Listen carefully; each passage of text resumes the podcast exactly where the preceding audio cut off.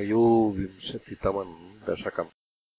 चित्रकेतूपाख्यानम्। प्राचेतसस्तु भगवन्नपरो हि दक्षः त्वत्सेवनम् व्यधितसर्गविवृद्धिकामः आविर्बभूविध तदा लसदष्टबाहुः तस्मै वरम् ददिथ ताम् च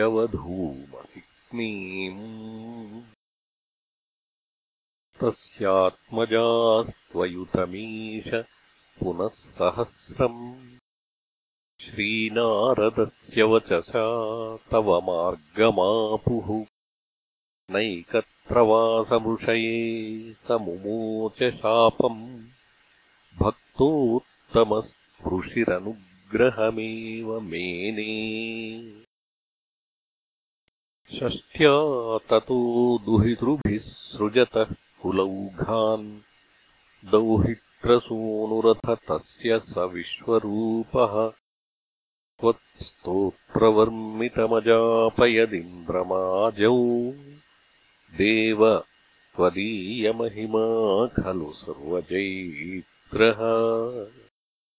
प्राक्शूरसेनविषये किल चित्रकेतुः पुत्राग्रही नृपतिरङ्गिरसः प्रभावात् लब्ध्वैकपुत्रमथ तत्र हते सपत्नीसङ्घैरमुह्यदवशस्तव माययासौ।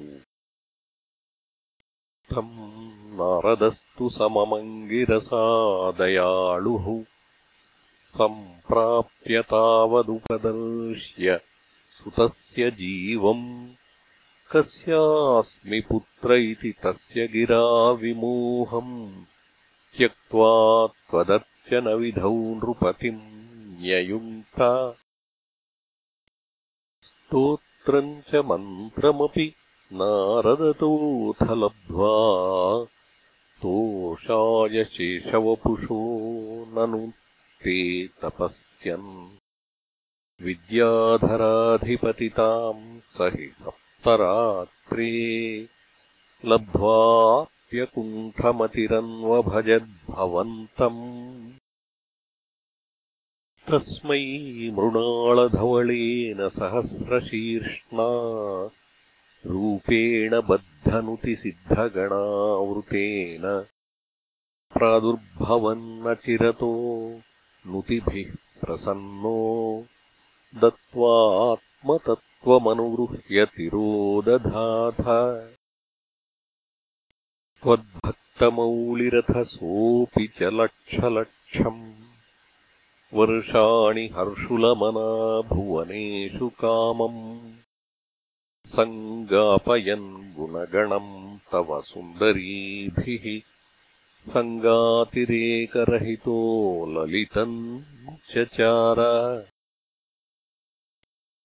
अत्यन्तसङ्गविलयाय भवत्प्रणुन्नो नूनम् स रौप्यगिरिमाप्यमहत्समाजे निःशङ्कमङ्ककृतवल्लभमङ्गजारिम्।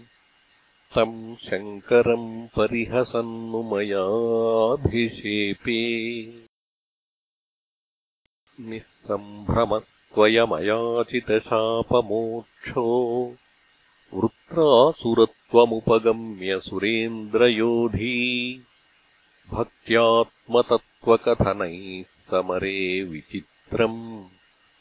शत्रोरपि भ्रममपास्य गतः पदन्ते।